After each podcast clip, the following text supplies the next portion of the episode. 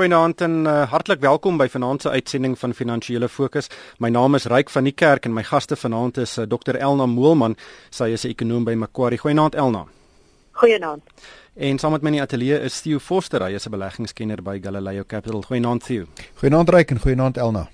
Theo, ek wil sommer begin by die groot nuus van die week en dis natuurlik die staatsrede. Ehm um, dit was eintlik 'n baie politiek politieke week uh, veral nadat uh, die president sy storie verander het in die konstitusionele hof en en dit het eintlik uh, die die die, die vergrootglas op sy staatsrede geplaas eintlik vir die verkeerde redes en baie 'n groot deel van sy boodskap dat uh, die regering weet dat die ekonomie gestimuleer moet word en daar probleme is het het 'n bietjie verdwyn rondom hierdie groter politieke storie. Hoe hoe het jy dit gelees? Ryk ek stem 100% saam met jou. Ek dink die, die mens het geluister na die staatsrede uit die oogheid dat jy nie regtig die geloofwaardigheid van die van die president noodwendig ten volle vertrou nie. En ek dink dis uit daai bril uit wat 'n mens baie van die inhoud nie raak gesien het nie voeg daarby dat hy nie 'n baie gemaklike spreker is nie dat dat hy in baie gevalle sukkel om hierdie komplekse um, toesprake te lewer. So vir 'n begin het jy het jy jou vasgekyk in die politieke spel wat afgespeel het met die EFF toe die president wat sukkel met hierdie toespraak wat 'n geloofwaardigheidsprobleem het.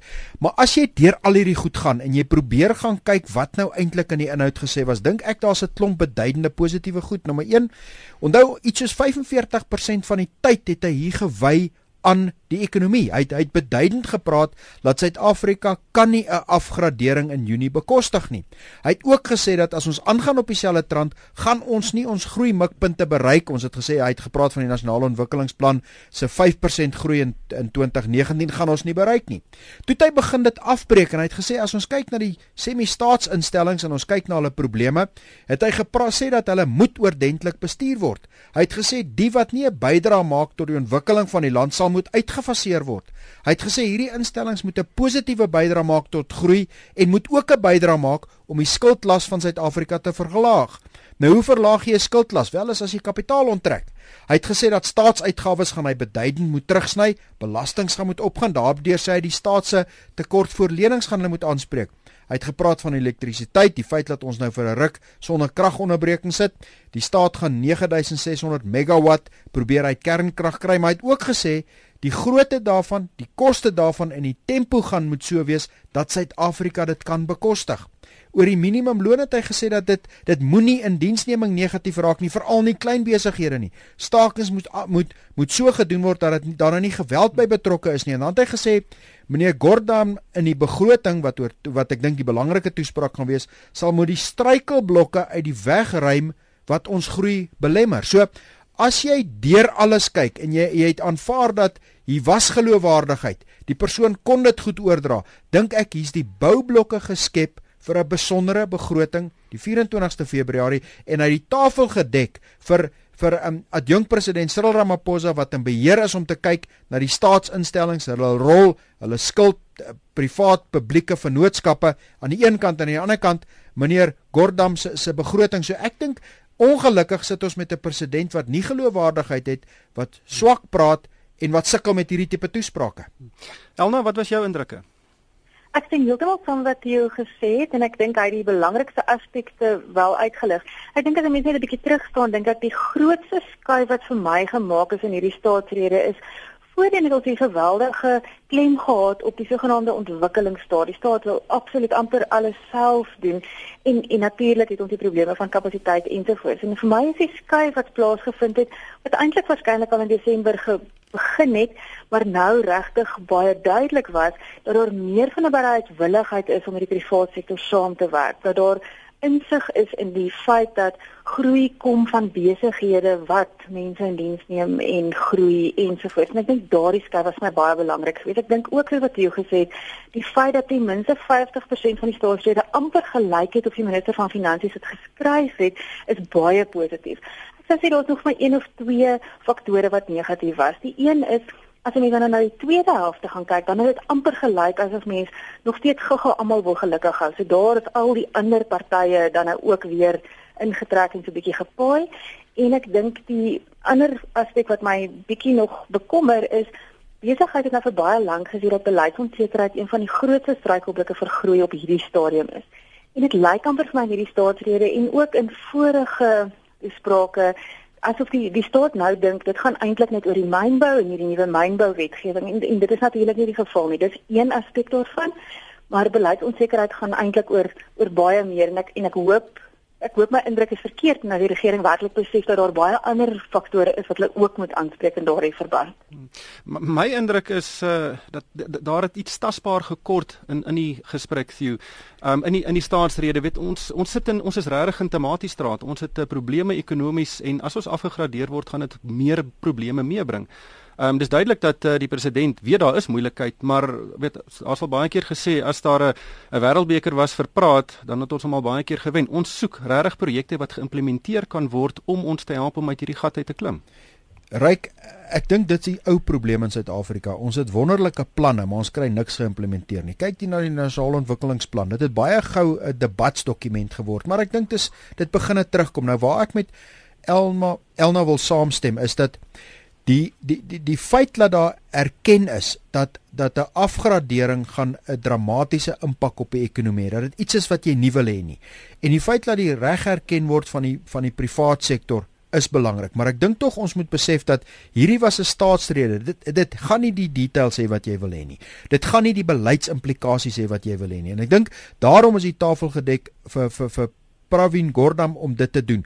Wat ek dink wat belangrik is in hierdie punt is die feit dat daar dat die belangrikheid van gesprekke tussen die regering en kapitaal, tussen die regering en besigheid duidelik na vore gekom het. En ek dink dit was dit was 'n goeie gebaar dat Christo Wiese in die, die uitgenooi is en daar gesit het. Ek ek dink nie mense moet te veel daarin lees nie, maar jy moet ook nie te min daarin lees nie. Dit wys ten minste daar's kommunikasie en is nie kommunikasie met die sogenaamde ANC se sake forum nie wat wat eintlik maar net 'n um, soort van soort van mense is wat wat, wat saamstem met die party. Dis dis mense wat besighede bedryf in die regte ekonomie. So so ek ek, ek dink ons moet Ons moet onthou dat ekonomiese beleid word nie in die staatsrede bepaal nie, dit word nie uitgestip nie en die tasbare ding waarna jy soek, as ons dit nie kry in die begroting nie, dan dink ek het ons 'n ernstige probleem want ek dink alles word nou gemik na Pravin Gordhan se begroting om daai tasbare element vir jou te gee.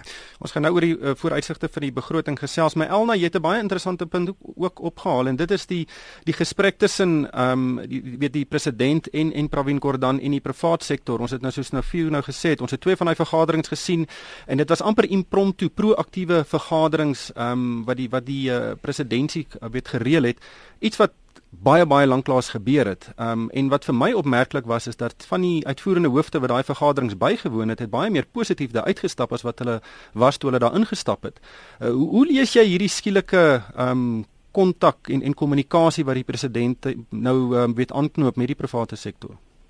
Ek dink dit geweldig positief. So ek dink dit is is iets wat ons vir baie jare nie regtig gehad het nie. 20 jaar terug het ons net lek gehad en vir 'n wyle het dit redelik goed gewerk, maar dit het maar met tyd begin vervaag en en dit was duidelik teen die einde nie meer 'n goeie platform vir gesprekke tussen besigheid en regering nie. So dis dis absoluut essensieel en ek dink dit is 'n baie positiewe stap. Dit sê vir jou beide kante sien dat ons nou in 'n krisis is en en almal is bereid om na die tafel toe te kom sekere opofferings te maak in ruil vir dit wat hulle werklik nodig is. En daardie verband sal ek net baie sê wat mense nou ook na hierdie week begin agterkom het is arbeid was tot natuurlik tot op hede nie deel van daardie gesprekke nie.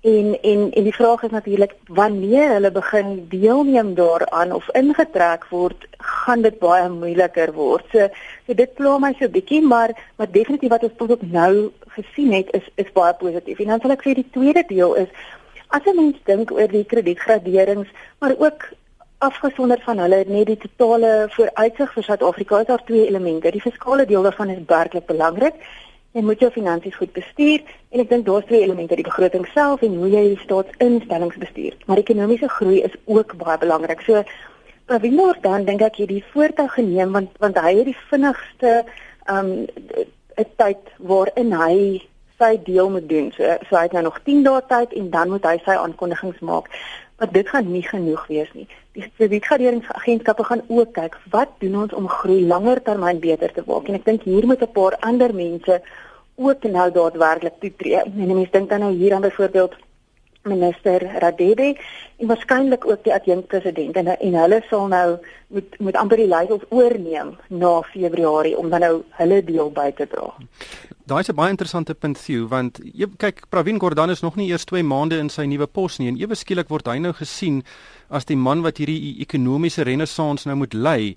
Waar pas die adjunkpresident hierin? Weet hy is 'n absolute geskoolde sakeman en dit lyk nie asof hy die die die leiding neem hier nie. Wel, onthou die adjunkpresident dien uh, uit hoofde van sy aanstelling deur die president en hy het, hy tegnies nie regtig uitvoerende magte nie. So die probleem met die adjunkpresident is hy word magte gegee en hier is hy is is hy in beheer gesit van die hele semi-staatsinstellings. Maar aan die ander kant wat die verskil is en ek dink nie ons moet dit onderskat nie. Onthou, uh, die adjunkpresident is in effek in 'n opvolgstryd gewissel met die president. Ek meen ons weet presies dat die dat die adjunkpresident uh, is aan een kant van die slagorde terwyl aan die ander kant sit die sit die president wat baie graag sy voormalige vrou wat die wat die vorige minister van binnelandse sake is, graag wil hê as sy opvolger. So ons sit hier met verskillende skole. So onthou, dit is baie moeilik vir die president om nou juis meer mag af te wendel aan die persoon wat eintlik met hom inkompeterend is vir waar hy in die beleid vorentoe gaan.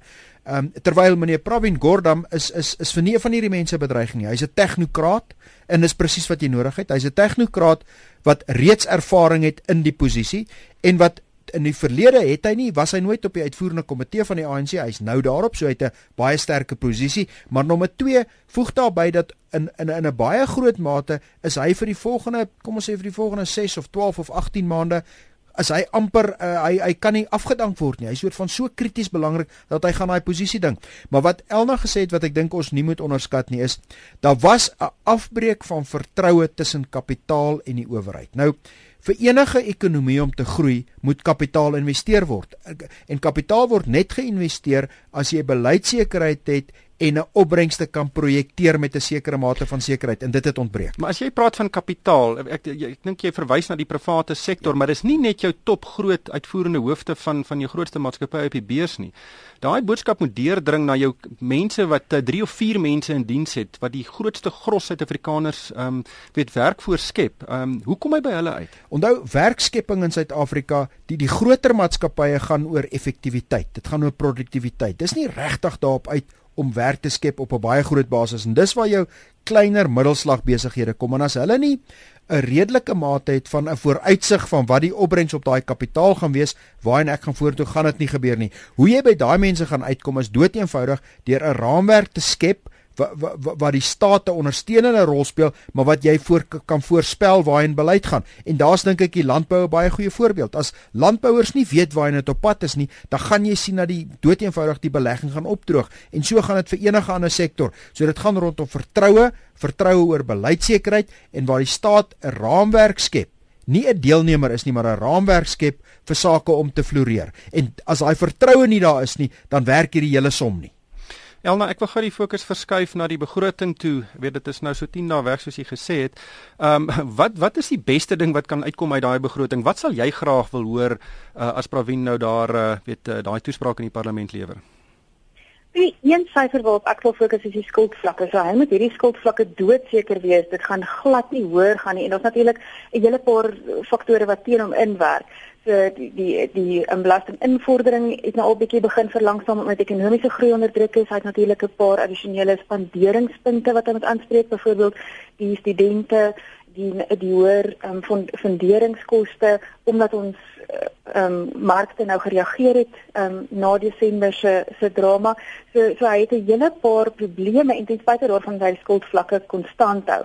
Ek dink dit sal baie positief wees in eerste plek as hy dit doen nie net deur belasting vir te verhoog nie, veral nie net op op hoër inkomste groepe nie, maar as hy dit spesifiek ook doen deur spandering te te sny en as daardie spandering sny groter is as die belastingverhogings, sal dit vir my baie positief wees.